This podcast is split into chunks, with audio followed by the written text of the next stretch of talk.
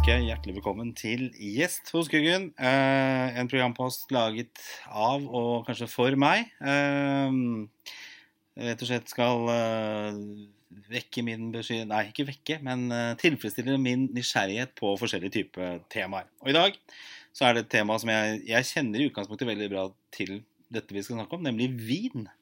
Men eh, jeg må jo innrømme at jeg kanskje vet veldig lite om vin. Og det irriterer meg hver eneste gang. Er i lystig lag og det begynner å diskuteres vin på et litt høyere nivå, så kommer jeg alltid til kort. Og for å kunne få svart på disse spørsmålene, så har jeg invitert deg, Kjell. Tusen takk. Velkommen se til Jesus om jeg kan uh, pirre din nysgjerrighet og få svarene på det du lurer på. Men uh, vi håper på det. Ja? Hva, hvor, hvor begynner vi? Altså, Vin det er jo et superstort tema, vil jeg tro. Vin er et superstort tema, og det jo, kan jo handle om så mangt. Eh, og her i Norge, bare hvis du går inn på Vinmonopolet, eh, så har de 21 000 varelinjer. Det vil si at bare på Vinmonopolet i Norge så vil man gå inn. Og det tror jeg det er veldig mange som gjør når de går inn på polet, og så ser de all den vinen, og så tenker de eh, Hvordan var den jeg så drakk sist? Og så går de og henter den, for den er trygg. Og så tar de den litt sånn under armen, og så går de hjem, og så tenker de ja, ja, ja. Den jeg, den, det er den jeg liker. Det er vinen min, sier de.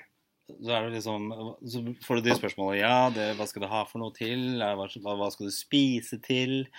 Eh, og det er alltid vanskelig å egentlig liksom jeg, jeg føler at jeg, ofte når jeg kjøper på sånn freestyle, så kjøper jeg det fordi det kanskje etiketten ser litt kul ut. Mm. Eh, er, det, er det mange som gjør det? Ja, det tror jeg det er. Og uh, mer og mer så er kuleetiketter blitt viktig. Eh, og det går jo utover ett land, nemlig Frankrike. Ja. Frankrike har dritkjedelige etiketter. Ja. Ja, de har noen da som er helt franske, og du, da ser du dem veldig tydelig. Men stort sett så heter da franske litt dyrere viner Chateau bla, bla, bla, Chateau bla, bla, bla, Chateau bla, bla, og så er det bilde av en håndtegnet film, bilde av et eller annet slott eller en eller annen, eh, et eller annet bygning. Og så har du egentlig, og så hører du kanskje at den er fra Bordeaux eller Bourgogne eller et eller annet sånt, og så er du, er du ute å kjøre med en gang. Eh, men eh, veldig mye nye i verden. Altså land som produserer vin utenfor Europa, kalles den nye verden. mm. Eh, de er veldig på å lage kule etiketter. Da kan de hete Craboodle Doodle og være en esel som eh, har tippa vogna, eller det kan være viner som eh, heter mye, ja, mye forskjellige rare ting. Kommer jeg ikke på noen kjempegode eksempler. Eh, jo, eh, men det er faktisk ikke nye i verden. Det kom noe italiensk vin som heter hipster og nerd. Mm. Der hipster er da en, eh, en vin fra Puglia, hælen på Sicilia.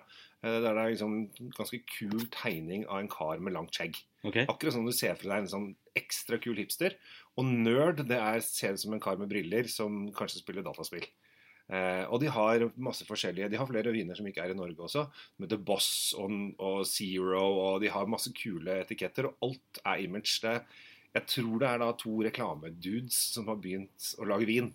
Ikke, som regel er det motsatt at noen lager vin, og så prøver de å få inn reklamedudes. Men her er det to reklamedudes som eh, har begynt å lage vin. Og det som er også veldig fint, er at vinene deres er gode.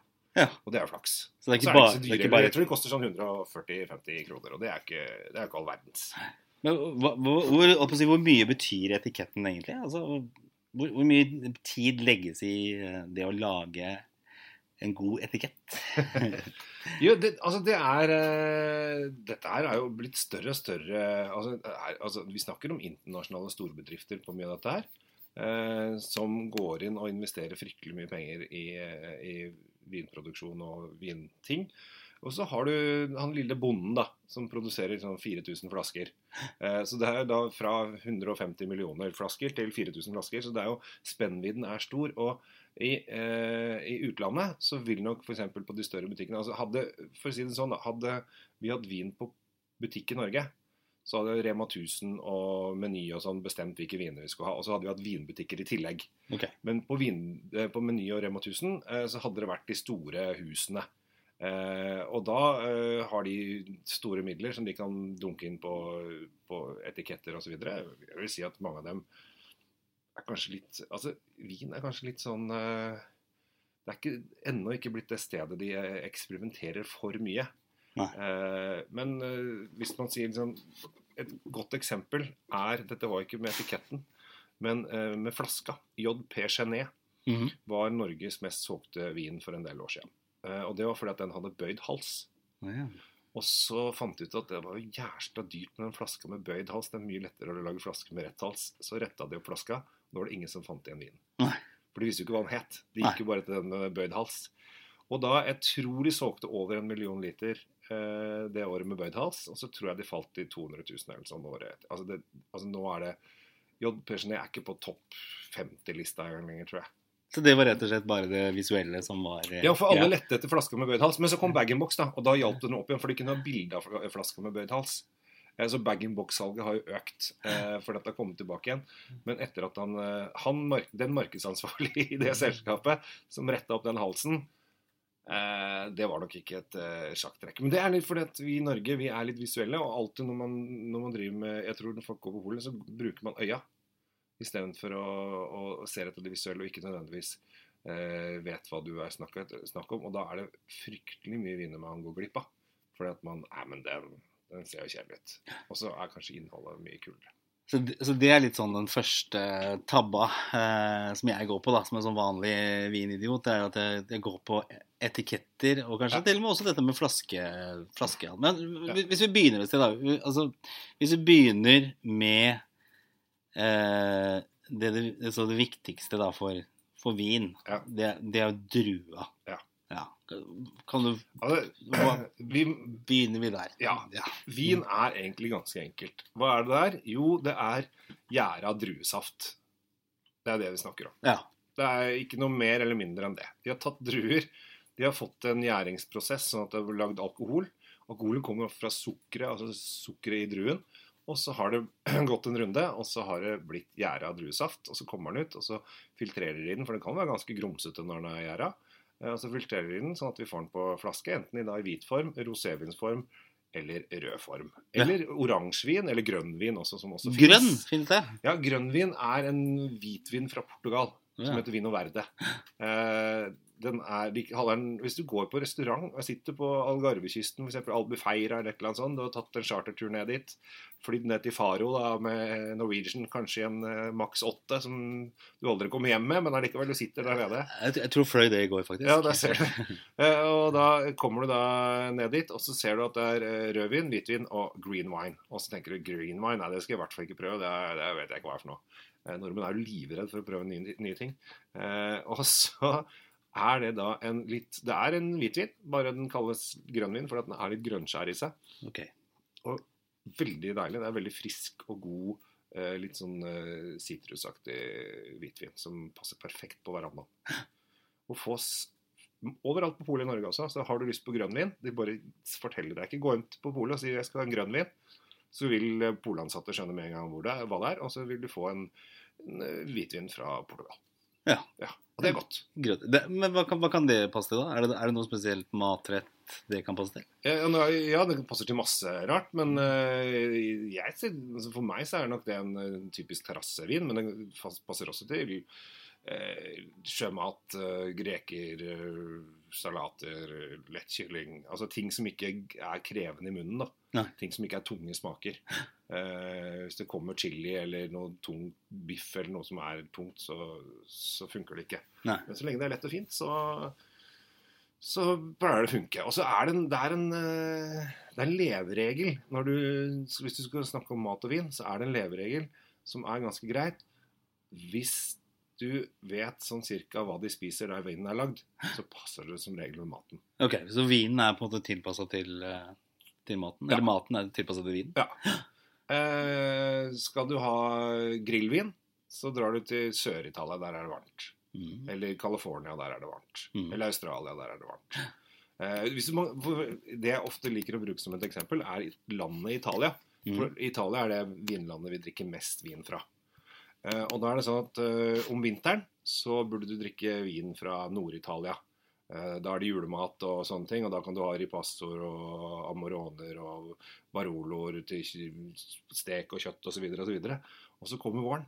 Og da tusler du liksom nedover Adriaterhavskysten. Ja, og da begynner du med litt lettere viner, kanskje rundt Roma og, og nedover der. Og så kommer du da til sommeren. Da er det grillings. I Mm. Norge så griller vi, og vi griller svin. Mhm. Gjerne marinert eh, flintsteik, eller hva det heter for noe. Svære skiver som er ferdig marinert, og vi slenger opp på svære griller og gasser i vei. Kjenner meg igjen. Kjenner meg Eh, ja, ja. Eh, og der, eh, da er det halen på Italia. Veldig kult. Puglia-vin eller Sicilia. Og så begynner det å bli litt høst, da. Og da begynner vi å slå opp over igjen. Og da vil vi ha litt, kanskje litt eh, høstmat, og da begynner vi med Chiantier og sånn fra Toskana. Før vi ender opp til jul. Da er vi oppe i, helt nord i Italia, på grensen til Østerrike, og da drikker vi til julemat så drikker du ripasso. Ja, jeg er ikke så avansert som det du beskriver der. for Men det er veldig fint hvis du, hvis du vet, vi går på polet, så vet du sånn Å ja, nå er det mars. Ja. Da prøv å holde deg sånn midt i Italia. Uh, sommeren Sør-Italia, Ja. vinteren Nord-Italia. Ja. Ok.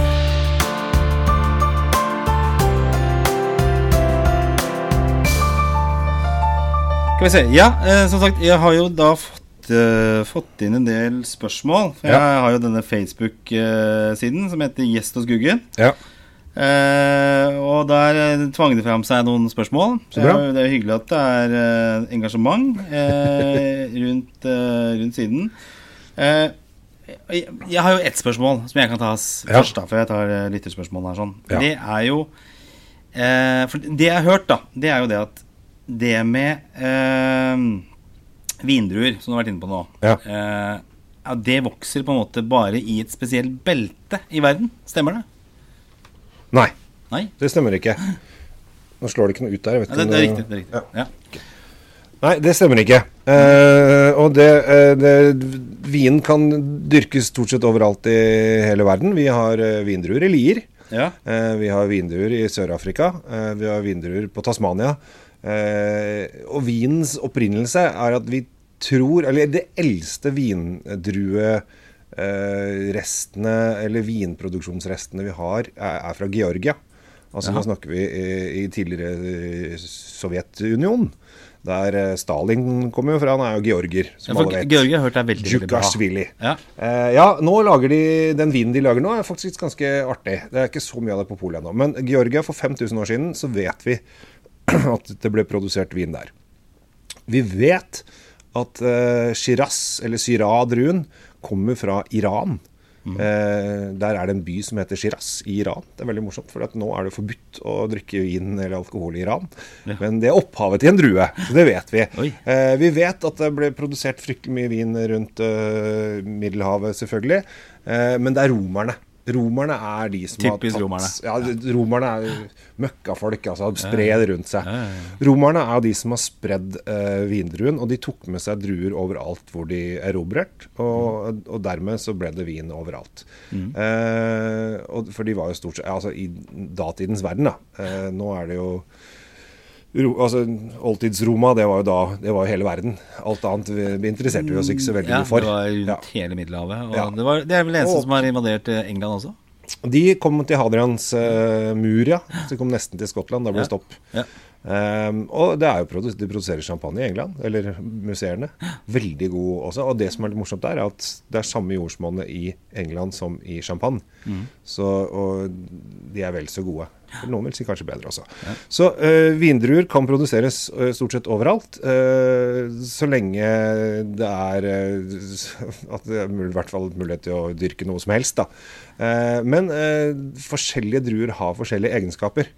Eh, kalde druer, Riesling og slikt, tåler ofte mer eller mindre sol og mer kulde. Så derfor kan du få Hvitviner er nok lettere å produsere på kaldere steder. Så du kan produsere hvitvin i Norge? Eller det produseres vel hvitvin i Norge? Ja, vi har eh, hatt eh, flere vingårder i Norge. som Nå er det noen av de nedlagt, men vi har Egge gård i Lier, annet, som produserer hvitvin. Mm. Eh, de Museene produserer de. Eh, Visstnok har jeg hørt rykter om at det er noen i Sogn og Fjordane og Møre og Romsdal som har begynt å produsere Riesling. Ja. Eh, og det kan jo gå, i hvert fall nå med global oppvarming. Så kommer det, kan, kan ha masse altså, Kanskje Bærumsmarka burde bli vingårder istedenfor. Kanskje lage en, eh, en eh, vingård på Blommenholm, f.eks.? Ja. Det, Det er vanligvis lever og bor. Ja. Eh, så, så, så det er egentlig ikke ja, For jeg har hørt det der at det, det, det beltet går mellom eh, 30. breddegrad eh, og 30. lengdegrad. Altså, men, men det er jo det, Ja, altså, jo- det er et slags belte, er det ikke det? ja, Altså, altså, det, det- det produseres mest druer i verden i eh, Sør- og Mellom-Europa. California, Sør-Amerika og Australia og Sør-Afrika. Ja, For da sprekker Men- jo det, egentlig. Både Sør-Afrika og Australia Ja. ligger jo ikke der. Så har vi et uh, land som produserer mest vin i hele verden, som uh, ingen tenker på, og det er Kina. Å ja. De er Er det sånn copy with pride eller with uh, not pride der også, eller? Eh, jeg, jeg har vært eh, Jeg har, drukket en del kinesisk vin. Eh, jeg, var, eh, jeg har studert kinesisk historie, så jeg har Oi. arrangert en del sånn mat- og vintur eller mat- og historietur til Kina. Ja. Eh, Ikke vintur, men mat- og historietur. Eh, og da kjøpte jeg meg en 10-12 forskjellige varianter hjem for testing til, i vinklubben min. ja. Eh, og fant ut at Er ikke det over eh, kvota, egentlig? Jo, men han ene i vinklubben min som var med til Kina, er vinimportør, så han får lov å ta inn ekstra. okay. Han kan ta med det som prøve. Oh, ja. Så han kan egentlig ta med så mye han vil. Oi. Eh, ja da, så lenge du har lisens for det. Ja. Um, men ja, det er over kvota, for det er bare seks plasser. eh, og da ville jeg nok ikke valgt de vi valgte, for det at eh, Nå gikk vi bare inn på et ganske stort eh, kjøpesenter i Kina og kjøpte de forskjellige de hadde. Mm. Og det var åtte av ti var helt grusomt. To av de var helt greie. Ja. Det var, det var ikke mer enn det, altså. Greie. Nei. Nei. Det var øh, og, Men det som er litt festlig, er at kanskje en av, av etter ryktene en av verdens flotteste viner øh, får du helt nord i Kina, opp, nesten opp i Tibet. Oi. For der var det noen øh, portugisiske munker som lagde et munkekloster på 1800-tallet. Så de har over 100 år gamle vinstokker derfra. På slutten av 1800-tallet så begynte de å plante disse stokkene. De produserer veldig lite vin, da. Eh, sånn, altså, du kan kanskje få en 1000 flasker i året. Kanskje et par tusen, men eh, den skal visst være helt utsøkt, den vinen der. Ja. Eh, Men hva, hva med si, Kina totalt sett? Som, drikker de mye vin der? Altså, Ja, ja de, Kina drikker mest øl og Ja, sprit. ja. Eh, veldig mye Ser det for sprit. Eh, men på sånn, sånn som Russland òg, føler jeg ikke at liksom de sitter Ja, det er og drikker vodka. vin- Der er det liksom. Men uh, det som er litt morsomt med Kina, altså hvis du tar verdens største ølmerke, som heter Snow, Ja. det eksporterer de så å si ikke fra Kina. Det er verdens største ølmerke, og det er jo kinesisk. Ja. Men jeg tenker Kina som alt annet øh, Nå er jo på full fremmarsj. Vil også vinen i, på polet bli en sånn kinesisk avdeling etter hvert? Det er veldig mange kinesere som har lyst til å selge vin til Norge, det vet jeg. Um, Kina er også det landet som selger mest Romani Conti, altså verdens dyreste vin. Det er den som alle hører om der de ligger utafor polet på Aker Brygge og skal få tak i en flaske til 50 000. Som han sier han drikker sjøl, men Ja. egentlig selger til noen rike russere for 200 000. Ja. Eh, Så han tjener 150 000 på noen uker der. Men det er jo i og for seg greit. Det, det, Eh, alle gjør det? Altså de i det er bare to flasker å kjøpe. Så du får bare kjøpe én. Så det er to personer som kan gjøre det. Men du må ha en, må ha en kjøper for å kunne gjøre det i og for seg. Men um, Men det har vel vært mye Jeg så det var en dokumentar på NRK kanskje for noen år tilbake om han, den kinesiske vinoppkjøperen som lurte Ja. veldig mange Ja, eh, med etiketter, dampa etikettene sjøl hjemme, og så Ja, ja, ja. solgte til han var vel eh, fra Malaysia, egentlig. Ja, Eh, men eh, han Han er en luring. Nå sitter han inne da til slutt. Ja. Eh, men det er jo utfordringen. Er at, for det, det han antageligvis var god på, han var veldig god på å gjenkjenne smak. Ja. Og Hvis du er flink til å gjenkjenne smak og greier å eh, på en måte lage om den smaken med å blande ting sjæl hjemme, av enkle produkter, så er du dritflink. Eh, så han hadde jo en gudegave, men, eh, og også er du i et miljø der Og det, det miljøet fins i Norge også. Der du har fryktelig mange folk som kjøper det som er dyrt, bare fordi de tror det er bra. Altså, det- de det var det vel litt sånn- Ja, fordi de som kjøperne, eh, som har liksom eh, vinkjellere som bare ah, Nei, jeg skal bare kjøpe fransk Bordeaux eller fransk Burgund eller nå skal vi ha hvit Burgund osv. Som koster liksom 5000-7000 kroner flaska i Norge. Det er masse folk som driver og hamstrer dette her. For det har de lest i et blad, at den her får 96 poeng, og da er den dritbra. Så det er litt sånn Der ble jo liksom den, den delen av bransjen, holdt jeg på å si, folk, ble tatt litt med buksa nede. Ja. Fordi de Og du har, folk, du har mange som fortsatt ikke tror sånn, ja. at han tulla. Altså, fordi at de vet at halve kjelleren min er full av vinen hans. Ja. Så nei, nei, nei, jeg, det var ikke det. Det var, det var, det var bare tull. Ja. Han solgte vin som ikke var han solgte, Og da, det han kanskje dreit seg ut for, var at han solgte en vin som var produsert året før de begynte å produsere vin. Ja, det stemmer. det var- Og det, Ja. eksisterte ikke den Nei. eh, på det tidspunktet. Så, Men, men er det litt sånn Jeg tenker, eh, er, er også vin litt sånn som kunst? Altså Noen setter pris på eh, den vinen, mens andre kanskje ikke liker den. Altså Samme med kanskje abstrakte kunstverk. når du begynner med viner som er veldig dyre, Mm. så blir det ofte litt sånn. Eh, men også eh, Jeg var på en uh, pressesmaking her for en måneds tid siden sammen med et par andre journalister. Og så smakte du på en vin, koster 700 kroner. Uh, og det syns jeg er ganske mye for en vin. Altså, det er ikke så mange i Norge som tar seg råd til å kjøpe vin for 700 kroner. Det er i hvert fall ikke vanlig innenfor vanlig segmentet ikke, sitt. ikke, Nei. Uh, og den smakte så grønn stilk. Altså, så vi, vi begynte å le litt, så bare har de glemt å putte druer oppi, liksom? Er det bare, har de bare vridd om stilken for å få ut de siste dråpene? Eh, for det, det var så syrlig og og jeg vil si rett og slett vondt. Det var ikke noe, det var ikke noe god, det var ikke noe behagelig opplevelse. Og så forteller importøren at dette er den nye trendvinen da fra Ja, California og bla, bla. Amerikanerne kaster seg da over denne her. Og så sitter vi der bare Ja, ja, dem om det. Ja. Eh, så det er, og det er masse, masse som handler om image, masse som handler om, eh, om eh, status. Det er bare å se på Solli plass på 17. mai, der da nye ungdommen da driver med vasking. Det vil si at de kjøper to flasker champagne, og så drikker de en, så heller de ut den andre. Det er det verste. Der, der Ja. burde det kanskje vært dødsstraff. eh, Det burde vært helt klart dødsstraff. Ja. Da, da kan man heller gi penger til noen som trenger det. Altså Hvis du har for mye penger til å gjøre på det. Men det er også, det veldig, også, også på champagne. da Champagne er en sånn typisk eh, luksusprodukt. Eh, der det koster fort eh, Ja, det billigste champagnene kan du kanskje få for en, un, litt under 300. Men eh, allikevel litt under 300 kroner, og så går det oppover, og så er det opp til 2000-3000. Så det er ganske mye eh, champagne som ofte er pricy. Ja.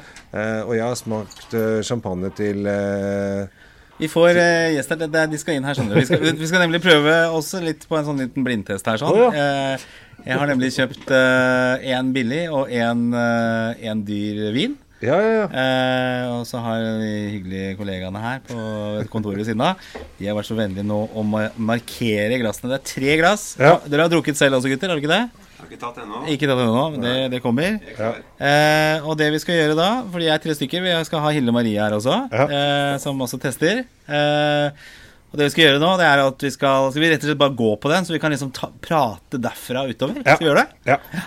Fordi at uh, Hva er billig, og hva er dyr? Uh, hva er billig, og hva er dyr? Og du som er eh, eksperten her sånn, du må jo da Jo, men Hvor stor prisforskjell er det snakk om på eh, Det er, eh, det er ca. 300 kroner. Ok. Ja. Mellom den billigste og den dyreste? Ja, det er det. Ja.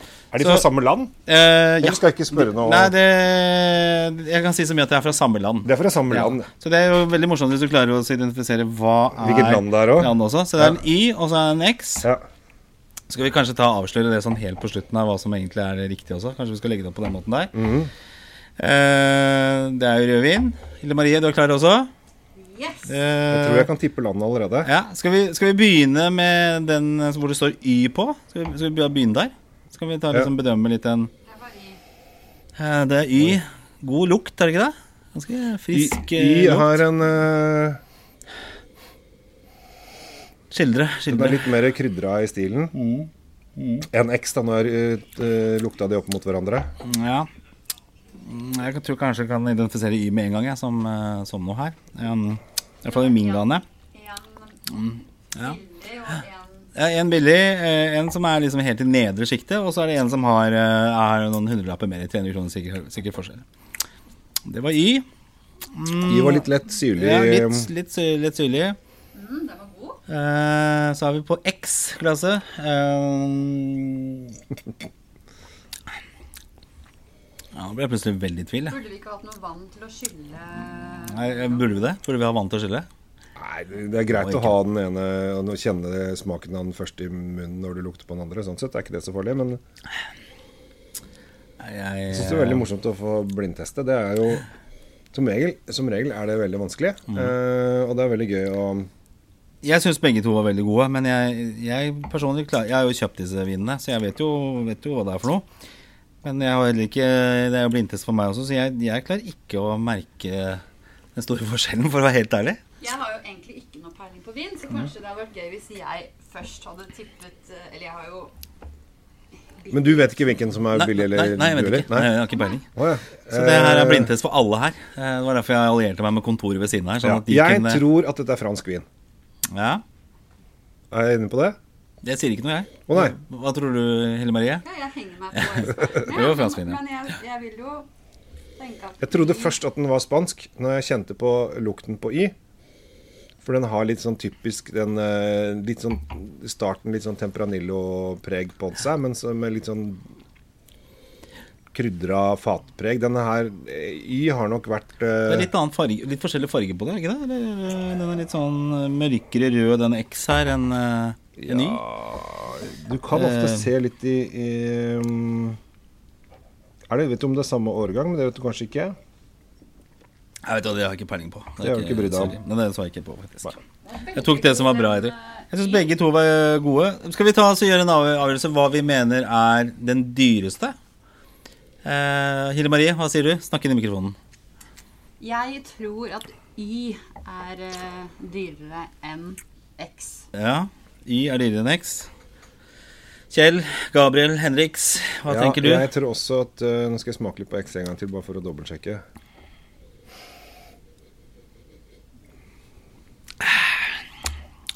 Ja, Jeg tror også Y er dyrere enn X.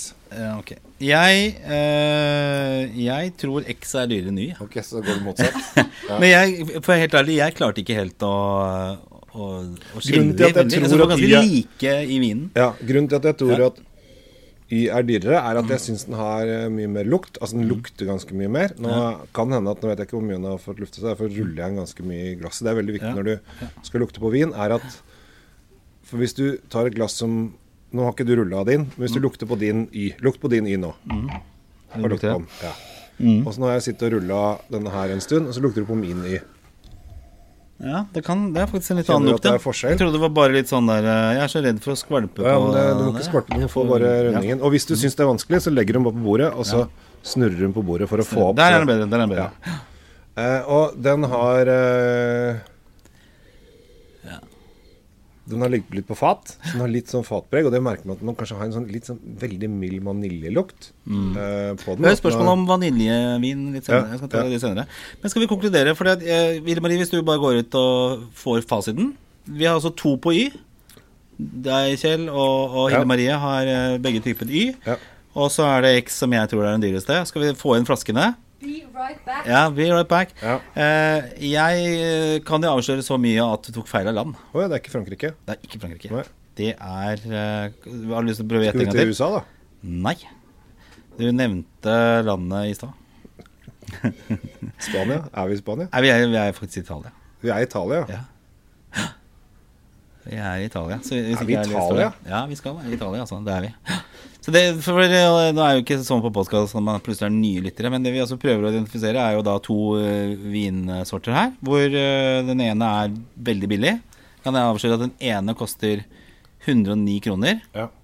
Og den andre kosta Skal vi se hvor er kvitteringen her sånn. Eh, den kosta 400, var det det? Eh, den kosta eh, Ok, jeg bomma litt her, da. Eh, den, den ene kosta 109, og den andre kosta 309. Ja. Det er 200 kroner forskjell, da. ja. Jo, men det er, det er ganske stor eh, forskjell. Ja. Så får vi se. Ja, Har vi fasiten? Kan vi få igjen flaskene også, kanskje? eller? Eh, men, ja, det kan vi ta. Det kan ta. Men dere, dere hadde rett? Yes! yes. Ok, bra. Da tok jeg feil der. Ja, så da, da er det bortkasta med, med å kjøpe dyr vin til meg, i hvert fall. Ja. Jeg kan si at den ene, det var en eh, Den til 109. Den heter altså Daluca Primotivo ja. eh, til 109 kroner. Eller Daluca. Er det det? Daluca. Daluca er det. Italiensk er jeg ikke så god på, men uh, Primotivo er den samme druen som. Ja. Så det er da uh, den samme som de lager i Amerika. Ja. Uh, Og så er det da den andre. Det er La Dama Amarone. Ja. Glas. Er her har du også eh, Det du har gjort her, er Det har jo flasken også. Ja. Det du har gjort her er jo Amarone er jo ganske mye tyngre. Eh, for Amorone her er det da to forskjellige måter å produsere vin på. Ja. Eh, og det gjør at ting er, gjør at de skiller seg litt ut også. Som jeg sier, at den hadde litt sånn fatpreg. Eh, og her, når du lager Amorone, så tørker du druene i 100 dager. Så du kan nesten kalle det en rosinvin. Det vil si at konsentrasjonen eh, væske det er jo Når du tørker en drue, så er det nesten ikke noe væske igjen. Altså Hvis du presser ut vann av en rosin, Ja. så får du kanskje tre dråper.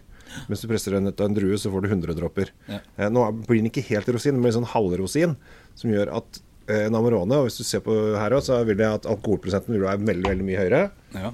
Den vil være 16 Ja. Og så er den 12,5, ja. kanskje? Den, ja, den kan vel være 13 et eller annet sted, tipper jeg. Og så er, vi, er det en Primitivo Melot fra Puglia, fra Halen. Dette er en grillvin. Ja. 13% Så den, den kan passe bra. 109 kroner på polet. Den kan passe Ja. bra til, uh, Ja. til biffen på, på en eh, sommerkveld uh, her i Norge. Mens Amaronen er så tung, altså 16% alkoholholdig vin. Det er så tungt at det Veldig mange sier ja, ja, men det er så godt til mat. Eh, jeg syns det er for tungt til mat, rett og slett. Men du, det er et spørs- spørsmål som jeg har. Men det er en billig Amorone? Ja, den var ikke den dyreste. Nei. Eh, For, Så, sånn sett har du kjøpt et lavskipenivå på begge. Du har kjøpt en enkel Amorone, for Amorone kan koste fort 500-600-700 kroner. ja, for vi har ikke så høyt budsjett i podkasten. 309 koster den. Ok. 309 og 109, så det er 200 kroner forskjell. Men jeg kjøper utrolig sjelden vin til som koster noe særlig over 150-60 kroner. i hvert fall. Nei. Og det er helt greit. Ja. Så det er, det er ikke. Ja. Men eh, ok, så, men det var morsomt. Det, Dere tok eh, Dere er mer. Det er derfor jeg har deg Ja, men det er hyggelig. Det, er veldig, det hadde vært veldig leit å bomme. Eh, eh, og her har du da tatt en vin fra Nord-Italia og en vin fra Sør-Italia. Ja. Eh, den, men jeg vil si at det er en ganske bevisst, selvfølgelig. da Ja, det er en veldig utypisk Amarone, egentlig. For den har, eh, den har ikke det det typiske Amarone-preget som du fort vil eh, merke med litt sånn overmoden Ja. Frukt. Altså litt sånn rosinsmak. Hvorfor trodde du det var Frankrike? Hva var det som var utslagsgivende for deg da? Hvis du Jo, at jeg trodde det var Frankrike først. Det var lett mest på den fordi at den var litt sånn syrlig i lukten. Så jeg tenkte at dette her er noe sånn der Syd-Frankrike-greier, for den er jo ganske varm. Ja. Eh, Så jeg trodde at den var sånn Og dette er sånn typisk sånn Languedoc, altså helt syd i Frankrike, som lager bare masse vin uten at det er noe sånn spesielt i det. Og så tenkte jeg ok, hvis den er det, for det var den jeg gikk i utgangspunktet den billige først, eller den jeg syns var billigst. Og så tenkte jeg, i og med at det ikke er den overdreven plomme-rosin-greien som Amarone har, som nå, nå- vet jeg at det er en Amarone, da, eh, så tenkte jeg at da Da har du kanskje fått tak i noe litt sånn eh, tyngre vin fra litt sånn oppi Jeg har liksom ikke noe sted Kanskje du har fått noen, en Chateau de Papp som er litt sånn solmoden eller noe sånt, tenkte jeg. Det har fått tak i det. Det høres litt kult ut, egentlig. Hvis jeg, Ja, det er, altså, vi har et situasjon hvor jeg får til. fantast, I Norge er det fantastisk med Vinmonopolet. Altså, Vinmonopolet er jo det beste du har. Du kan bare gå inn. Altså, kan du, du kunne, nå spurte du kanskje ikke de som Jo, jeg gjorde det faktisk. de gjorde det, gjorde det var de som satte opp dette her for å gjøre det litt vanskelig. Og, Ja, det sa jeg ville ha en billig, og så en sånn pluss 300 kroner. jeg. Ja, og så spurte han det. er fra samme land. Så sa jeg ja, det er kult hvis det kan være samme land. Ja. Det, var, det var det vi gjorde. Okay. Men, Du sa ikke hva du skulle gjøre. Jo, jeg sa hva jeg skulle gjøre det. Ja, men det var Og det er så liksom- genialt med polet, for du kan gå inn på polet og si at ja, jeg skal spise elgfrikassé. Og så kommer de med noen forslag. Ja. Og de er kjempeflinke. Og de er Altså, alle pol har jo sitt utvalg. Ingen pol har alt utvalg. Nei, nei, nei. Så de vet veldig godt om hva som er i sin butikk. Jeg syns polet er fantastisk. Altså, det er som sier, du, Og du får jo alltid gode råd. Ja. Du får vel en aldri dårlig vin. Den der altså, til 109 kroner Ja. kunne jeg fint ha drukket eh, til eh, det ikke var mer igjen. Ja, altså. Jeg tror den billigste vinen i Norge koster 80 kroner eller noe sånt. Mm. Det er den aller, aller billigste du kan få. Og hvis du da i utgangspunktet sier at hvis en vin har 13 Mm. eh, så er da på én flaske så er 78 kroner avgifter. Oi. Eh, hvis den hadde hatt 13% den som kosta 80 kroner, da, så hadde det hatt to kroner igjen til eh, frakt, emballasje, vinprodusent osv. Så, videre, og så, videre. så eh, som du sier, at du liker å kjøpe vin til 150-60 kroner. Det syns du er greit. Eh, men husk at vinen blir euroen blir høyere, og alt, alt utvikler seg. Eh, så det som folk sa var billigvin før, var sånn ja, da kosta de rundt 100. Det fins jo ikke lenger. Nå er det 130, liksom. Som er under 130 er billigvin. Ja. Om, om halvannet år så er det under 150 som er billigvin. Altså den, Så det pushes oppover Ja, det pushes. Mm. ganske fort oppover. Men eh, hvis du går og kjøper deg en vin eh, på mellom 150 til 200 kroner, så får du ofte veldig god vin. Ja. Jeg, jeg syns det alltid er egentlig Til og med den til 89 kroner er helt grei. Altså, ja, ser du utvider neseborene litt Ja, her nå. og ser eh, det, er et par, det er et par viner jeg, par viner jeg ikke drikker. Nei. det er det. Den til 89 Eh, drikker ikke du? Nei, den har jeg faktisk ikke smakt. Nei, ok. Eh, men det, av og til Jeg var, eh, jeg var popstjerne på, på danmarksbåten mellom Danmark og Hitchhals her for en par måneder siden, Ja, sammen med dr. Alban. Eh, og da har de vin på tank. Oi. Og det var helt grusomt. Ja, det kan jeg tenke meg. Ja. Det- Og det har de, også på, de har også vin på tank på Rockefeller. Ja. Så er du på Rockefeller, aldri kjøp rødvin Nei. hvis du ikke kjøper det på flaske. Det er det ja. verste du kan gjøre. Ja. Ja. Så ikke vin på tank. Ja, det, fikk du sagt at du er popstjerne også, for det er det, du er jo det. Du er jo Jeg er popstjerne. Jeg skal det- spille i Telenor Arena allerede 28. april. Vi hadde Thomas Borgvang inne her eh, for noen uker tilbake også. Han er på en måte motstykket ditt. Eller ikke, dere var litt sånn samme generasjonen.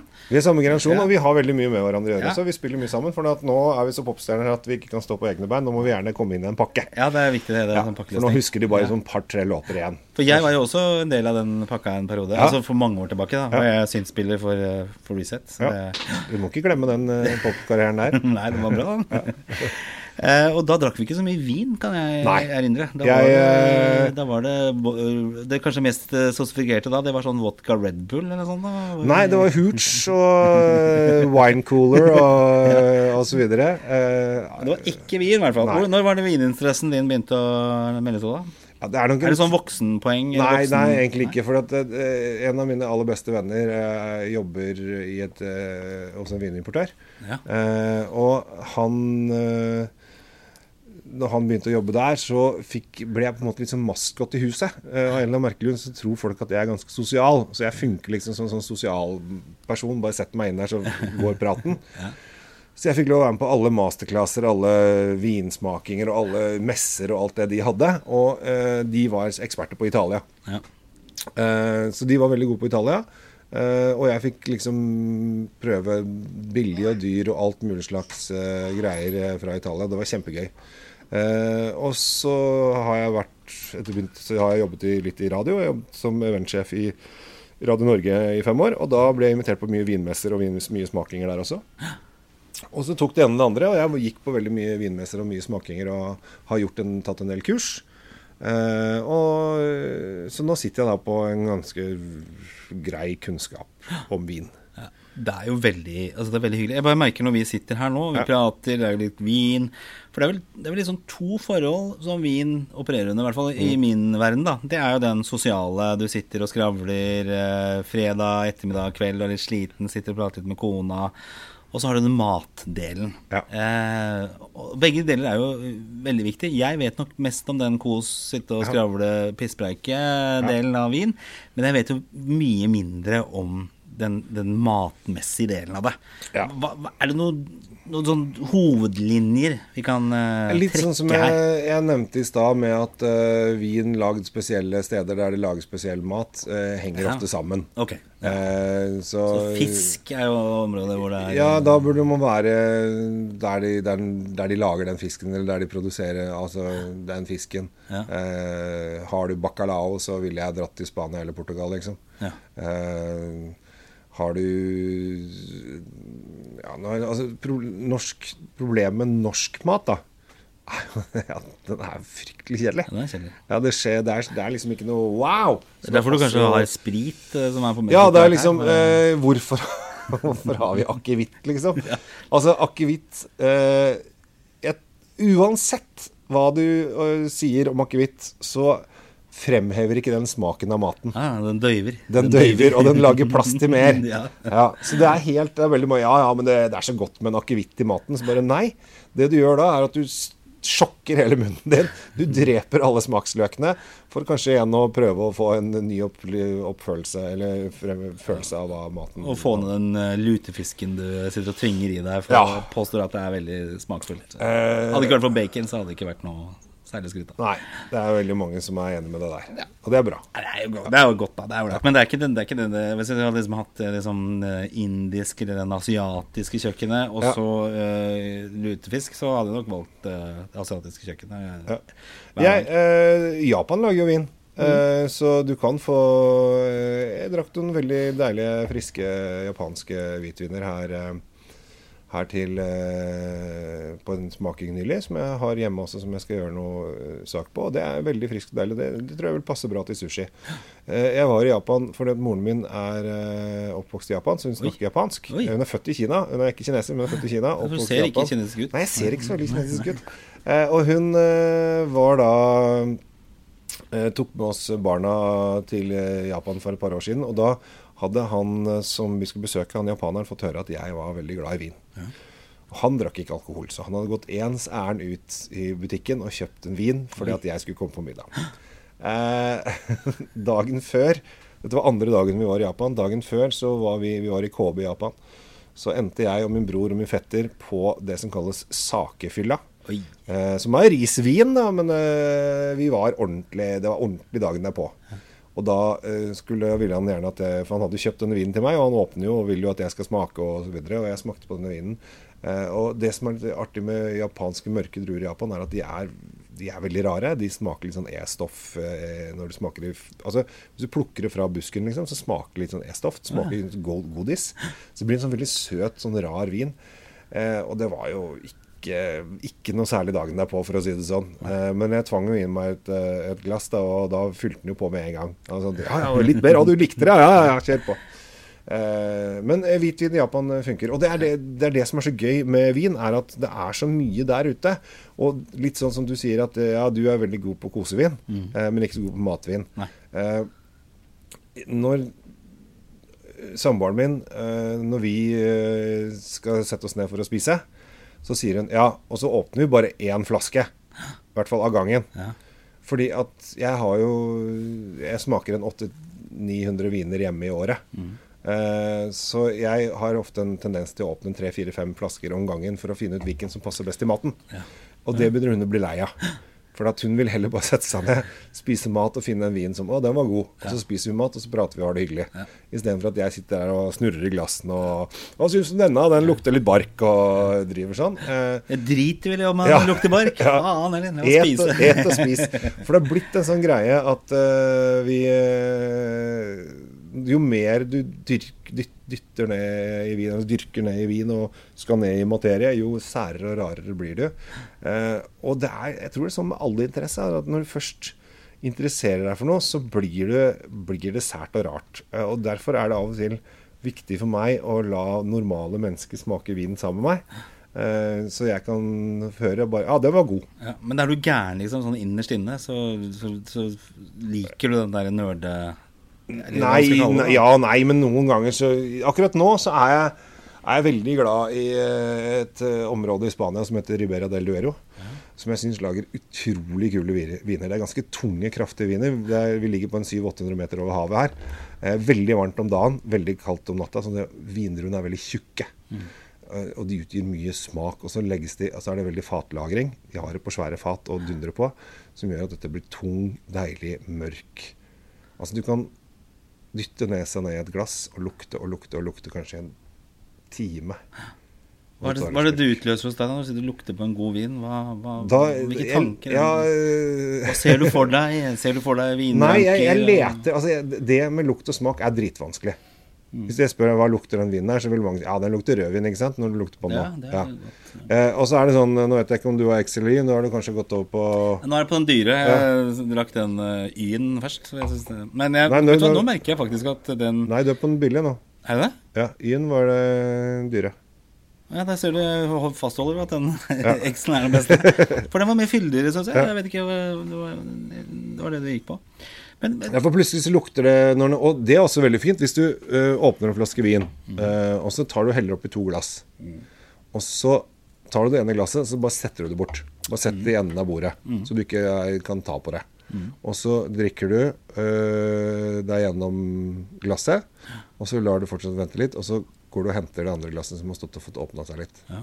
Eh, Da har det utviklet seg. Jeg, et, eh, gjorde, eh, jeg skal starte min egen YouTube-kanal som heter The Norwegian Wine Guy. Oi. Som vi skal lansere nå i løpet av en måneds tid eller to. Og jeg gjorde et intervju med Gaia, som er da en av de største italienske produsentene her i forrige uke. Og hun sa det at det som er så deilig, er at jeg spurte ja, lufter du vinen, eller dekanterer du vin? Altså hva gjør du når du har litt dyrere viner? Hva, hva gjør du? Så nei, nei. Drar opp korken, heller oppi glasset. Hvis du syns den er litt lukka, så snurrer du sånn at du får åpna den litt. Og det holder. Ja, og så skal du drikke, for du skal ikke drikke så fort at du Du skal ikke, du skal ikke chugge nedpå, som gutta på jobben sier. Ja, er det chuggevin? Nei, du skal drikke, og så skal du merke utviklingen av vinen mens du drikker deg gjennom flaska. Ja. For å si at du bruker en time på det, da, eller halvannen time på det, så kjenner du at jo mer det, oksygen det er igjen i flaska, eh, jo mer luft det kommer inn, jo mer vinen åpner seg. Det, det du er- nå er du liksom inne på den essensen av deg jeg er helt uh, blank. For det, det, det er, det jeg chugger jo, som du eh, sier. da Ja, chuggevin er viktig. Jeg har jo allerede Ja. tydelig av meg ett glass nå. Jeg er Ja. på god vei på det andre, Ja. andre glasset. Ja. Jeg fikk bare ta sånn lytter, eh, lytterspørsmål her, da. Eh, Lytter og lytter er tanta mi, da, som spør. Jo, men men tante ja, tante Miriam. Eh, hun spør om hvor viktig er dette med glass? Vinglass. Ja, det er viktig. Mm. Eh, men det må ikke bli for viktig. Nei. Det er liksom nivå av viktighet. for, Ko- For kona har hun har kjøpt eh, De ser omtrent sånn som vanlig vinglass, men det er uten stett. Som visstnok er det nye nå, da. Å ja, så at de bare kan, det ser ut som melkeglass? Se- Ser ut som melkeglass. Ja. ja. Eh, Påstå at det var eh, sånn det skulle være. ja eh, nå skal ikke jeg be kona di videre. Hun Nei, hører ikke på allikevel. nei det- som, det som skjer, er at veldig mange kommer da med eh, de uten stett som vannglass til vinglasset. Fordi Ja. det, det er egentlig vinglasset med stett du skal ha. Du kan også få eh, vinglass uten fot, så det bare er stolpen. Ja, Eh, disse nye Salto-glassene har det. ja. Eh, og det er svindyrt med Salto. Det, er sånn, det koster 800 kroner flask, Nei, glasset eller noe sånt. Men det som er veldig viktig når du har et glass, er at den har en eh, fin tulipanform. Eh, sånn som at For det er det du gjerne vil, at du vil snurre på glasset. Og hvis, det er, hvis glasset er for kort eh, sånn Egon-glass, som jeg kaller det. Som er den der dustete, korte, lille vinglasset som er liksom kanskje fem centimeter høyt. Og så Det står noe ute i skapet her. ja, som de fyller da helt i randen. Eh, det kan du ikke snurre på. Og det som også er veldig, veldig viktig, er at når du heller i et glass, så skal du ikke helle mer enn det ytterste punktet på glasset. Nei, det hørt. Det har Ja. hørt. Mm. Fordi at Hvis du heller over det ytterste punktet på glasset, så er det veldig vanskelig for å snurre på den, for da kommer du til å søle gang. det er rett og slett det det går på? Ja, ok. Eh, Så du vil ikke ha vin eh, mer enn eh, det ytterste punktet på glasset, og da er det veldig fint å, å snurre på den, eh, for da får du åpna vinen litt. Ja. Men, Eh, men har du noe med sånn med stetten, da? For det, Ja. som jeg sikta til, jeg har jo ikke stett. Men er det sånn at hvis du da holder glasset, så varmer du opp vinen også? Er det negativt, eller? Eh, Jeg sitter jo og knuger glasset. ja, for du liker vinen litt varm? Min Nei, gamle- jeg liker jo den egentlig kald, Ja, min, min gamle far liker varm vin. Han Ja. syns kald vin er det verste han veit, sier han. Ja. Så det er smak og behag. Og det, bare ta Eh, det skyte inn på ja. polet når jeg var i kjøpte i stad, så var det den billige vinen. Den Ja. sto bare romtemperert. Mens den dyre vinen, den var i kaldskapet. Ja. Og det er jo helt Hvis du ikke skal drikke den med en gang, Ja. Så er det helt meningsløst at den står i kaldskapet på polet, for det blir jo ikke noe mer Det, det er bare sånn fancy effekt. Okay. Eh, hvis du skal gå ut i bilen om sommeren og sette flaska i bilen, og så kjører du hjem og det tar ti minutter, så allikevel så er det kaldskapets effekt Ja, borte. Det er saltings fra polet. Ja, du det, føler ja, ja, at du det føler at du er på, ja, å, ja, du på svalrommet, ja. Ja. Ja, du går i svalrommet. Ja, her koster det mye penger. Ja, det var 200 kroner, det. Ja.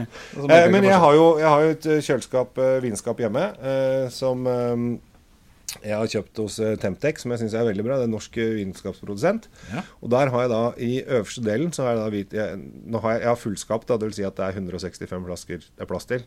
Så det er like stort som et vanlig kjøleskap. Uh, for når jeg flytta i For godt, når barna flytta til der vi skulle bo med barna, eh, så hadde jeg blitt lovt at nå skal jeg få ordentlig vinskap. Så der har jeg da et eh, stort kjøleskap med 165 flasker i, eller i hvert fall mulighet til det. Mm. Og da har jeg 9 grader i øvre delen for hvit, og så har jeg 13 grader i underdelen for rødt. Ja da? Ja. Um, og det er i og for seg Jeg synes det er fordi at når du åpner vinen, så uh, Du går jo ikke og setter den tilbake i kjøleskapet, så det, den blir jo litt varmere gjennom hele prosessen av å drikke opp flaska. Uh, Så det påvirker vin på noen annen måte enn altså Nei, smaken i anbefaler start? Forskjellige viner anbefales til forskjellige uh, drikketemperatur. Uh, på hvitvin så er det fra 7 til 11 grader kanskje, og fra rødvin så er det fra en sånn 11-12-13 til en 15-16-17. Eh, men så er, sitter du i Italia om sommeren, da, så har de rødvin på hylla, og så tar de ned og åpner til deg, liksom. Så er den ikke altså, altså, Jeg tenker Italia på sommeren. Nesten alt vil smake bra i Italia. Altså, jeg har jo vært på noe både i Toskana og i, i, eh, i på Sicilia, på Teide, opp i ja. noen vingårder der. Sånn. Altså, Jeg tror ikke noe servert uh, grut og likevel så det smakt veldig godt. Ja, og det er jo eh, det er ofte sånn at når vi sitter eh, på et pent sted og drikker vin, så vil vi gjerne ta med oss den følelsen igjen. Og det er liksom typisk Hellas. Ja, Eh, I Hellas produserer de to say mye ræl. ok. Eh, de lager veldig sjelden gode viner i Hellas. Bortsett det er noen unntak, bl.a. på Santorini. Ja. Så er det en produsent som heter Gaia, som lager fantastiske hvitviner. De fås på polet. Ja. Eh, Gaia Estate. Og de har også noviner eh, bygd en vingård i eh, der Sparta holdt til. Altså Sparta! Ikke Sarpsborg, men Nei. eh, ikke hockey-Sparta, men ekte Sparta. Eh, I det området der så har de vingårder som har holdt til siden Sparta, spartanernes tid. De lagde, spartanerne lagde mye vin. ja. For dette er, dette er kunst, dette er vitenskap, det er så mye. Fått Men tante Miriam har kanskje ikke fått svaret sitt. At du trenger et vinglass. du trenger kanskje et, eh, et champagneglass, et hvitvinsglass og et rødvinsglass. Ja, og Hun spør da, ikke sant, hvor lenge skal rødvin luftes? Eh, Skal all eh, rødvin luftes? Og hvor viktig er det å drikke rødvin av riktige glass? Altså disse Ja, altså, gåseøynene, det ja, riktige. eh, noen rødviner skal luftes, andre skal ikke luftes. Noen løv, rød, spesielt veldig gamle viner er livsfarlig livsfarlige å lufte. Ok.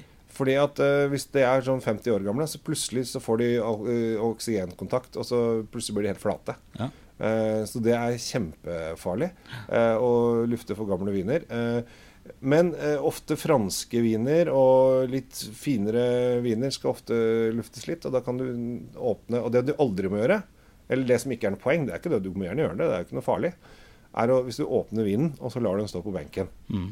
Og så, ja, ja, når, når står den der en times tid, da skjer det ingenting. Fordi at det er oksygen Det er litt som når du lufter en vin. Hvis du har den inni flaska, så på toppen av flaska der eh, Når du tar ut korken, så er det jo kanskje en, en halv centimeter i diameter, kanskje, og ned der. Så vil si at det er en så sånn liten runding som får oksygentiltak. Så det du må gjøre da, er at du må ha en dekanter som du heller vinen over i. Det er det karaffel, Ja, en som jeg karaffel, kaller det. et eller annet ja, sånt. Ja, okay. Ja. ja, for jeg prøver det. I hvert fall når jeg har gjester og sånne ting, så Ja. syns jeg det er fint å ha den karaffelen. Og så kan jeg skjule eventuelt at det er dårlig vin jeg eh, serverer, da, for da ser de ikke flaska. Nei. Eh, da kan du ta den, der, eh, den du likte så godt. Ja, da. Luca, Da Luca Primitivo, Ja. Merio Melo, det er Melodruen. Ja, Ja, den er bra. Den er favoritt. 2017, var det en bra årgang som den her er på? Ja, faktisk var ikke 2017 2015, 16 og 17 har vært gode år i Italia. 2014 var helt krise. Jeg ser at Amoronene er fra 2013. Det er fordi den brukes jo i hvert fall to år på å produsere. Men sånn som i fjor, da, hvor det var tørke i Europa, er det katastrofeår, eller? Eh, for Australia er det helt krise. Altså, Der har du en produsent som jeg vet produserer 80 millioner flasker i året. Og han sier at hvis det fortsetter sånn som dette her, eh, så mister vi over 80% av vingårdene våre i løpet av 8-10 år. Så. Så de driver og leter etter land de kan lage ny vin på. I, Så det vil med, som du var litt inne på i stad også, at med, med global oppvarming så vil også vindistriktene endre seg mer? ja. Eh, og eh, et land som nyter veldig godt av det, er Tyskland. Ja. Tyske Rieslinger har sjelden vært så gode som de siste åra. Så liker du tysk Riesling, eh, og det er det mange som gjør, og husk det at tysk, tysk Riesling er ikke bare søt vin, det er også eh, frisk og deilig, tørr, eh, kul eh, vin. Det er veldig mange som har liksom stempla tysk Riesling som Eller kjøper veldig mye søt tysk Riesling. Det må man ikke gjøre. Man skal kjøpe tørre, friske Rieslinger som eh, er kjempegode. Eh, men eh, Riesling, eh, kanonår, bare år etter år etter år. Fra 2014-15 til i år. Dritbra. Er du like entusiastisk rundt både rød og hvitvin? Eh, ja og nei. Eh, jeg er mest rødvinsmann, eh, så hvitvinsmann. Uh, og så kommer Men rosévin har kommet veldig også. Ja, det, lik- det Altså I fjor så kom det dritmye bra rosévin på markedet. Det er litt sånn femi å drikke, men jeg liker det. Ja, men du, det, det, det, er, det er det som er litt morsomt, er at i Frankrike før eh, 1700-tallet, eller på slutten av 17, eh, midten av 1700-tallet, eh, altså rett før Napoleon med sin hær osv., for han Ja. kom jo da i 1789. Det vet jo alle. At Ja, han ja, holdt ja. på med Jeg leste biografien om Ja. eh, Napoleon i fjor.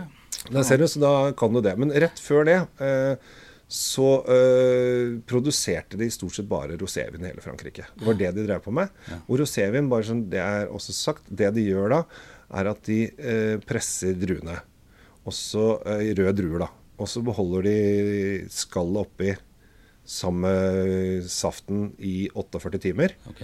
Og så presser de ut alt av tønna, sånn at bare saften er igjen. Og da har de fått en litt sånn rosévinfarge. Ok, så For det er sånn det fargen på eh, En rosévin er laget ut av fargen på Det er røde druer, så det er litt av fargen på røde druer som ligger igjen etter en at de har fått lov å ligge og få litt farge fra druene. Ok, men for jeg så jo på jeg, Hellstrøm og han derre han, eh, Truls, Truls, ja.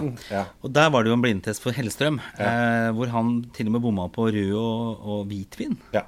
Og det er ikke så veldig vanskelig å lage den testen eh, for noen som helst. Uh, uh, fordi at spesielt mange Altså veldig mange hvitviner er lagd på røde druer. Mm. Altså, man tror at all hvitvin er lagd på hvite druer, men det er jo ikke det. Ja. Men det er bare at de har ikke hatt skallkontakt. Det vil si at de har bare pressa ut saften med en gang, og så har de kasta drueskallet. Ok. Så det er Eh, skallkontakten som på en måte er Det er eh, skallet som er lager farge. Ja, okay. Eller fargen på druen. Riesling er jo en hvit drue, så den vil jo aldri bli rød. Eh, men en, en rødvin vi har jo hatt masse skallkontakt. Ja. Så derfor er den stort sett rød hele veien. Ja, Jeg bare det- smaker litt mer Ja, på den selvfølgelig. Det, det Amarone-vinen. syns jeg du fortjener. Sånn skal det være.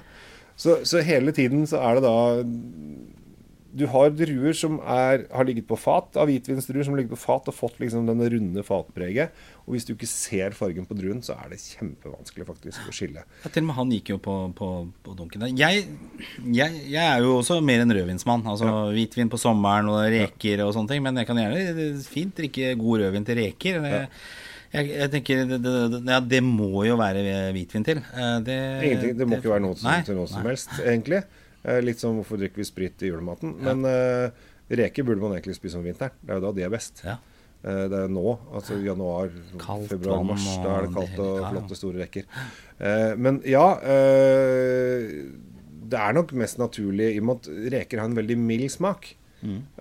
så er det veldig viktig at ikke vinen gjør at du ikke smaker noe reke. som tar bort for mye Ja. smaken. Og det er jo altså- majonesen og sitronen og dillen som Ja. både er Ja, og sitronen er jo vanskelig og Den er sånn, litt sånn syrefrisk. Så da liksom, hvis du kommer med en ganske tung rødvin og har sitron i munnen, så vil den smaken føles ubehagelig. Ja, ok. Eh, Så det er ofte det som kan være. Og det aller verste i, av alt som går an å drikke rødvin til, det er tyttebær. Tyttebærsyltetøy til julemat. Ja, Da dreper du alt. det gjør det. Ja. For det er, det er så syrlig og bittert og, og sært. Ja. Eh, Det, det er jo ingen land Det er jo bare Norge som jeg tror spiser tyttebærsylte. Eller det kan godt hende at vi spiser tyttebærsylte overalt. det, det er, men det, er godt til kjøttkaker, men eh, hvor mange mange land er det man eh, Nei, det er spiser kanskje ikke så mye. Mens vi er inne på dette med mat og vin, som selvfølgelig er viktig eh, Jeg, får, jeg fikk et spørsmål fra Det var jo kusina mi, da. Ja. Hun jobber for øvrig på Vinmonopolet. Oi. På Metrosenteret på Vinmonopolet. Det ser du. Så hun er, eh, Hun er butikksjef der, faktisk. Oi, Ja. nå, får det, nå blir det vanskelig. Ja, så jeg spurte henne faktisk om hvordan Vinmonopolet ville stilt seg det om denne podkasten ble sendt fra Vinmonopolet. Ja. Men hun mente at det kunne kanskje være litt problematisk. Da, videre. Vinmonopolet har egen podkast. Ja, det er sikkert også. Så de Som sikkert er innenfor eh, rettighetenes eh, grenser. Ja, og de Eh, snakker, Det er jo de ansatte som, eller noen ansatte som har lagd sin egen podkast der, og det, det syns jeg er veldig bra. Ja. Men Det er jo mange som lager podkast, og det merker man jo som eh, amatørpodkaster, at konkurransen er jo enorm. Så det er vanskelig å skille seg ut, da. Men jo, det hun spør om, da, er jo uh, hva er din mest overraskende mat-vinopplevelse? Altså kombinasjoner, uh, ting som bare Oi, det her funka jo som bare det. Kanskje ikke Oi. hadde trodd det i utgangspunktet. Uh. Nei, men det er vanskelig å komme på. For det er liksom sånn som du sier, at det er så veldig mange opplevelser som gjør at du Spesielt hvis du er et sted, da, der du sitter på en flott veranda i Syden osv., og, så videre, og så kommer det en god vin. Og, øh, også, men jeg tror nok det, det må ha vært øh, vært noe i heimen. For at eh, av og til så Det man bør gjøre, i hvert fall for de som drikker mye vin, er å, å smake vinen blindt. Altså du ikke vet hva du smaker. Litt sånn som vi har gjort nå. Ja, ja. Uh, for da kan du få opplevelser som bare Oi, jøss, passer det? Og det hadde jeg ikke trodd. Eh, og det er, eh, det er veldig kult. Eh, men eh, sånn mat eh, jeg, jeg- kommer liksom ikke på ett eksempel Nei. at dette er wow, det var sånn skikkelig wow-wow. Fordi at man eh, litt, litt sånn at når man begynner å nerde med dette her, og det gjør man jo, så, så prøver man Jo! Det har jeg jo. Nå har jeg et eksempel. Eh, og det var lutefisk! Det var lutefisk. Ok. Ehm, det, var, det var Det er et par år sia. Den satt godt inne. Eh, så testa vi seks flasker eh, forskjellige flasker til eh, lutefisk. Det var på en restaurant som jeg var invitert på rødvin- og lutefisksmaking. Først er det sånn rødvin og lutefisk. Eh, er, det, er det greia? Og så smakte vi først gjennom seks viner, og så fant vi ut at ja, jeg syns ja, nummer fire og fem og seks var det beste. Altså de tre siste. De første her synes jeg var, spesielt én og to var veldig tynne og pistrete. Og det var litt sånn Nei, det tror jeg ikke funker til noe som helst. Og så fikk vi maten, og da snudde alt seg på hodet. Oi. Og plutselig var eneren og toeren, som egentlig ikke likte å drikke alene, de var kanonbra oh, ja. til lutefisken. Og det satt som skikkelig innertier. Så det, er, eh, det var kjempe, kjempekult. Og det har jo det har også gjort med, med min kjære. Vi var eh, på en winemakers dinner der øh, hun eh, hadde en favoritt, eller har en favorittvin. Dette var med en italiensk eh, importør som heter Gaia. Eh, og hun har en favorittvin som heter Poliziano, eh, som er en fantastisk deilig vin til 250 kroner. Poliziano de Vino Doble, det anbefaler jeg veldig. Det er kjempegod. Og så fikk hun den og to andre viner til hovedretten. Ja. Og hun bare ja, ja. Hun visste jo hva hun likte. Og så fikk hun maten, og så tapte Poliziano ut fra den maten. Deilig. Og det var, og da satt du sånn Jeg liker ikke å si det, men fader, vinen min tapte. Eh, og da var det så gøy at disse andre vinene, som hun egentlig ikke hadde noe tro på eh, Men nå var hun veldig sånn bokssatt, at nå skal det være sånn. Altså De, de hun ikke hadde noe tro på, de, de blomstra. Nei. Og det er så gøy når viner du egentlig ikke har tro på, blomster. Av og til så kan det være en billigvin, eller noe helt kommer liksom fra sida av en drue som du ikke er helt vant med, eller noe helt nytt. Uh, og Men det er også et spørsmål som kom inn her. Sånn. Ja. Er det, er det, har du på en favorittvin eller en vin du alltid vender tilbake til? Altså, vi er jo, vi er jo begge fotballinteresserte. Du har jo Ja. en eh, sær klubb i England som du Ja. eh, følger med på. Kan du Ja. si hvem det er? Det er Leighton Orient, selvfølgelig. Orient, verdens beste fotballag. eh, og de vant, de leder serien nå i femte divisjon, National oh, ja, League. i conference? Ja, eller? nei, National League. National, okay. Eh, jeg vil alle, Hvis du er interessert i fotball, så gå inn og les om Leightons historie fra 2014 til i dag. Det har vært eh, Altså, de gikk fra å spille finale for championship i 2014, Ja. og i, for halvannet år siden så røyk de ut av ligasystemet. Der skulle man laget en sånn type Till I Die. Har du sett ja. Sunderland Till I Die? Nei, jeg har ikke det. Og det, jeg tror Leighton er enda verre. Vi stakkars Leighton-folka. Ja. Så jeg Men, hater eh, alt som Premier League. Men eh, Ja, det er jo superbra. Men ja. tenker, har du en favorittvin? Altså, Ja, som, som jeg sa i stad, jeg er veldig- Ja, jeg er veldig Ribera del Duero om dagen. Jeg syns jo det er veldig tøft. Da er vi i Spania, og jeg syns jo det er artig. Ja. Ellers så uh, er jeg heldig nok også mot eh, Toskana. Eh, og har litt eh, greier der. Men så har jeg da eh, en, en venn i vinverden. Det er ikke så ofte man det er ikke så ofte man blir venn med vinprodusenter. Nei. Det er liksom ikke der du er så ofte. Men um, på en av de første vinmessene jeg var på, så gikk jeg bort til et bord, og så sa jeg hei, får jeg smake på vinene dine? Og så sier han ja.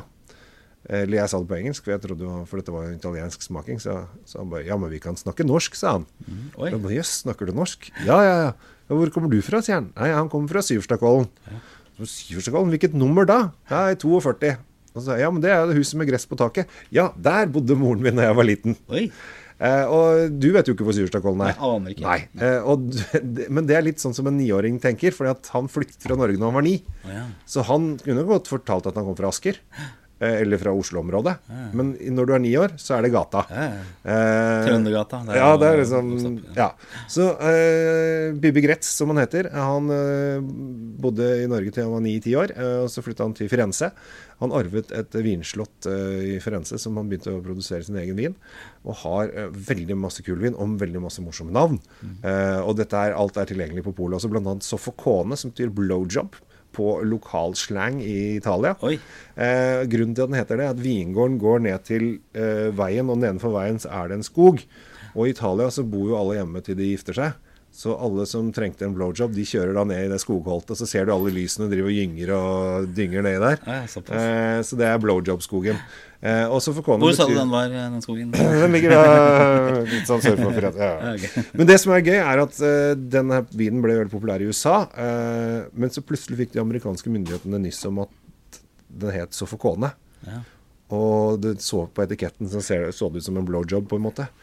Og da ble den plutselig forbudt. For det var jo, kunne ikke ha en vin som het blowjob og se ut som en blowjob. Det går ikke an. Det er støtende for amerikanere. Det var som den bilen som het Fitta eller sånn. Ja, ja, ja. Så, men, eh, så de prøvde Prøvde da å forby den, men så forandra han litt med amerikanske etiketten. Så USA har de egen etikett Okay. som ikke er så vovet som det norske. Og det egentlig det han har tegnet på etiketten, for han er kunstner, er at han tegnet en dame som plukker vannliljer. Ja, Okay.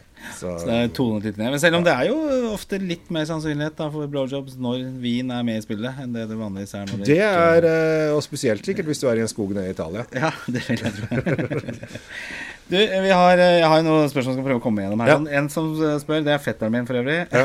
det er hele familien er engasjert. Ja.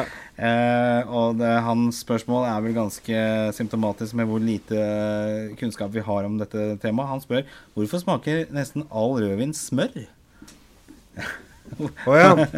ja eh, all rødvin smaker ikke smør. Hva, tenk, hva tenker du på her, da? Eh, jeg vil egentlig tro at eh, det er mer hvitvin som smaker smør. Mm. Eh, Fatlagra chardonnay har ofte smørsmak. Ja. Eh, og det at det er på en måte ikke smørsmak, og det er liksom Man eh, legger så mye lukterting og smaksting inn i, i verden når man smaker ting. Altså Man får liksom sånn der inni hodet Ja, den smaker litt sånn ja, litt rundt og fint. Men når, når du smaker smør, som ofte Jeg vil si at det, gjelder stort sett bare hvitviner. Eh, som er litt fatlagra av chardonnay, så får du en sånn, på en måte, sånn belegg på tunga som er litt sånn rundt, og du får en sånn derre at, at vinen sklir litt rundt og legger igjen på en måte et belegg rundt i munnen. da Okay, Det er det er det han sitter sikter til. Jeg tror også fetteren min er en langt mer en ølmann enn han Ja. er en eh, vinmann. Men Ja. likevel, spørsmålet kom fram. Ja. Eh, per Christian, som du har jobbet med på Sentra Nei, Ultra. Nei, hvor var det? Supra het Supra, det i gamle dager. Ja. 94, 95 Ja, han sendte Det er en eh, far til en kamerat av min sønn. Ja. Eh, han har følgende spørsmål her. Ja. Jeg smakte vin på restaurant med litt vaniljesmak. En veldig god opplevelse eh, da den smakte utsøkt i maten. Har du noen tips om vin med vaniljesmak og en rett den passer godt sammen med? spør Pekka. Eh, godt spørsmål fra Pekka. Mhm. Eh, når det gjelder vin med vaniljesmak Den vaniljegreiene kommer veldig lett av fatlagring.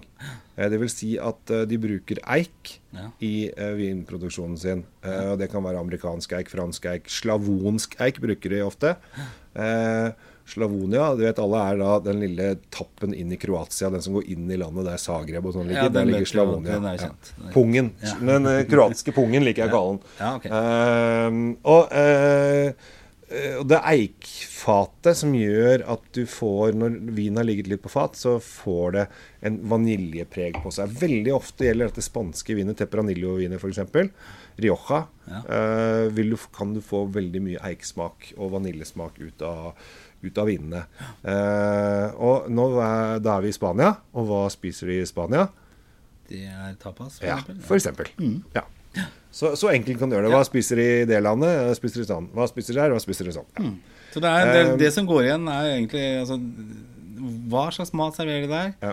Hva slags vin produserer du der? Ja. Det passer sammen. Ja. Så enkelt er det Stort sett. Ja. Og så lager de viner som passer til andre ting òg. Og så har vi litt mer eh, mote Ikke mote, kanskje, da, men jeg, det er et spørsmål fra Siv. Hun var mm. gjest her for noen uker tilbake snakket om økonomi. Eh, og da er jo ikke veien fra økonomi så langt til økologi, eller økologisk vin. Ja. Hva syns du om det? Eh, merker du om det er eh, økologisk eller ikke? Eh, selv liker hun veldig godt økologisk Prosecco. ja. Men hun vil jo aldri kjenne, for, kjenne forskjell på en økologisk og en ikke-økologisk Prosecco, tror jeg. Nei. Du Eh, det, det, som, det som er det nye nå, er jo biodynamisk. ja. Det er liksom trenden. Eh, Økologisk er jo Og det er de fleste Veldig mange lager økologisk nå. Eh, og de liker disse sertifiseringene.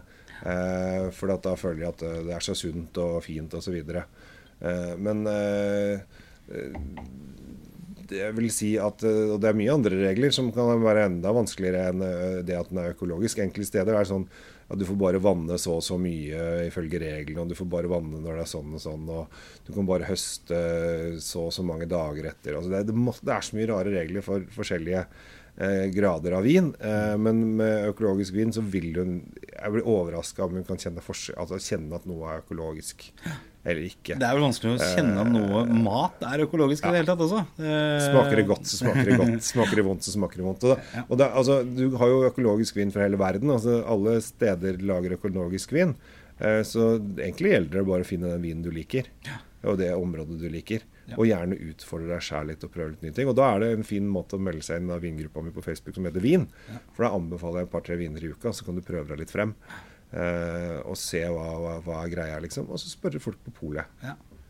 Vet du hva, jeg vet at uh, nå begynner klokka å dra seg mot Du skal jo på masterclass etterpå. Jeg skal på masterclass, Hva er amerikansk eh, masterclass. Jeg har, jeg har vært på masterclass i dag, og Ja. jeg skal på masterclass. Jeg, jeg vet ikke hvor langt vi har kommet. Vi har kommet til mars. Jeg har jo allerede smakt en 1500-1600 forskjellige viner i år. Oi. Så vi har, eh, det har blitt mye. Jeg skal på masterclass med noen amerikanske viner. Jeg vet ikke egentlig så mye om det eh, selv, hva som skal presenteres, for jeg bare takket ja. Eh, men en masterclass, da kommer da vinprodusenten eh, og forteller om vinproduksjonen. Og økologisk og biody- biodynamisk og alt som skjer rundt en vinproduksjon. Og forteller om historikken bak vinene, eh, hvordan de produserer det osv. Så, og så, så egentlig er det Det er litt nerdete. Du går litt i dybden. Det er liksom eh, Ja, ja, ah, nå har han sagt mye fint om denne vinen, der, men var den god? Det glemmer han aldri alltid å spørre om. Det, ingen, det lurer han ikke på. Ja, ok. Eh, eller jo da, det hender jo. Oh, did you like the wine? spør de av og til sånn høflighetsfrase. Da sier ingen noen ting, for ellers så Ja, kjempegod. øh. Det er en typisk norsk høflighet. Det er ingen som sier Nei, dette her var skvip. Så, men det er, det er lærerikt å være på masterclass, for det, du får da smake gjennom hele sortimentet til produsenten. Så, og det kan være alt fra rødt og hvitt og rosé og bobler og hele sulamitten. Det er Det er spennende. Det er, jo, det er jo veldig spennende. Men de, Ja. jeg, jeg skulle gjerne sitte her og skravla og drukket vin med deg til ja. i morgen tidlig. Ja. Men du skal gå videre til ja. masterclass, som sagt. Eh, Jeg tenkte bare sånn helt til slutt om du kan eh, komme med én rødvinsanbefaling. Altså Mm. sånn i dag, i mars 2019. Det er, eh, vi spiller jo dette her inn på en onsdag. Mm. Det er fredag snart til helgen. Hva kan man kjøpe inn til helgen? Bare En, Ja. en skikkelig Kjell Gabriel Hennings-anbefaling. Ja, eh, da vil jeg for første slå et slag for uh, Vinmonopolets app. Ja. Eh, For du sier hva kan du kjøpe til helgen? Og det er liksom, eh, Alle pol har forskjellige utvalg, så det er veldig vanskelig for meg å vite hvilket pol du går på. Mm. Men med Vinmonopolets app så kan du da bestille og kjøpe vinen med en gang. Så si at du, jeg forteller deg at du må kjøpe den vinen, så går du på appen og bestill, kjøp. Og da blir den sendt uten noe ekstra kostnad til ditt lokale pol. Så får du en SMS etter en fire-fem dager. Nå kan du komme og hente vin. ja. Helt genialt. Og er du på restaurant, så kan du skanne koden bak på, bak på flaska, og så kommer vinen opp. Og du bare, 'Denne var god. Kjøper to av den'. Og dette kan du gjøre midt på natta om du vil. Og så sitter du på nachspiel 'Fy faen, det var dritbra vin her, Kjell. Fy faen, det var god. Skal jeg Ta en kasse!' Så kjøper du det. Så får du en SMS etter et par dager. Også. Men får du den uh, rankinga? For vi, vi, vi er jo blant annet venner på Vivino. Ja.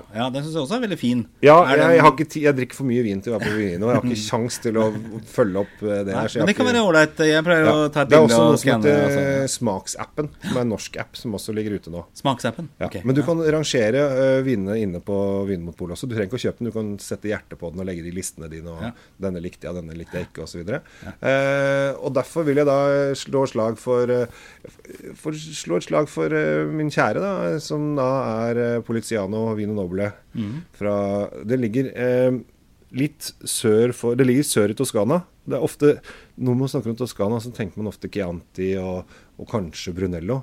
Men eh, Poliziano ligger da litt sånn lenger eh, sør i Montalcino. Ja. Og der er det åh. Den er god, altså. Den har svart etikett, koster 250, tror jeg. Grep i vestlommen, og vel, eh, vel verdt det. Ja, Og så Eh, tar du, og så åpner du den, og så setter du deg foran eh, peisen med et godt, stort glass. Gjerne en ordentlig bredt tulipan på glasset. ja, Dytter du oppi, og så snurrer den litt rundt, og så tar du beina høyt. ja. Kanskje noen oster og sånn også til? Eller? Ja, det, Problemet er at ofte ost er, passer mest med hvitvin. ja, ok. Selvfølgelig. Så, men kanskje noen skinkebiter. Ja, noe sånt. Ja, noen gammel pølsesnabber eller noe sånt. Pata negra eller noe sånt. Åh, nå snakker vi. Det er bra. Eller bare sitte og kose og lukte. Det er deilig. Det her er det livet handler om. Og det, det er på en måte den der klore seg fast i uka, altså liksom ha de der opplevelsene. Og jeg tenker at dette her som bare bør bruke litt grann tid Kanskje, jeg tror det kanskje handler også veldig mye om det der å verdsette det øyeblikket du sitter i. At du ikke bare hva kaller det, pugger ned vinen. Chugge. Chuggevin. Ja, Ja, det er det kidsa sier. Ja. I hvert fall gutta på jobben når vi har vinlotteri hver fredag. Er det chuggevin eller, Kjell? Ja. Så bare, ja, det er ikke chugge. Ja, det er, det er chuggevin, pleier jeg å si. Bare så nikker jeg. Så, ja, så Men det, det tenker jeg også. Jeg er nok upolitisk korrekt nå, for nå har jeg noen barn i tenåringsalderen. En er 17 og en er, er, er 13 her. Ja.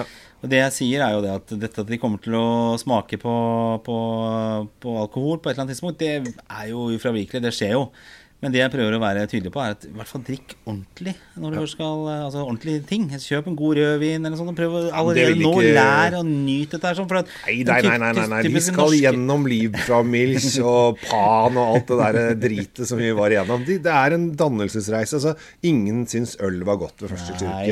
Eh, Så alle, det er helt naturlig at alle fjortiser begynner med søtlige Og jeg lo jo av folk som satt og drakk rødvin Ja, ja. og vann og Ja. spiste asparges og gulrøtter. Ja, ja, ja. Det skulle være øl, og det skulle være og Jo, det, her, det er, alt er vanesak, og det gjelder med vin også. Men uh, det som er veldig viktig, altså prøv noe nytt. Uh, prøv en, en vin som du ikke pleier å drikke.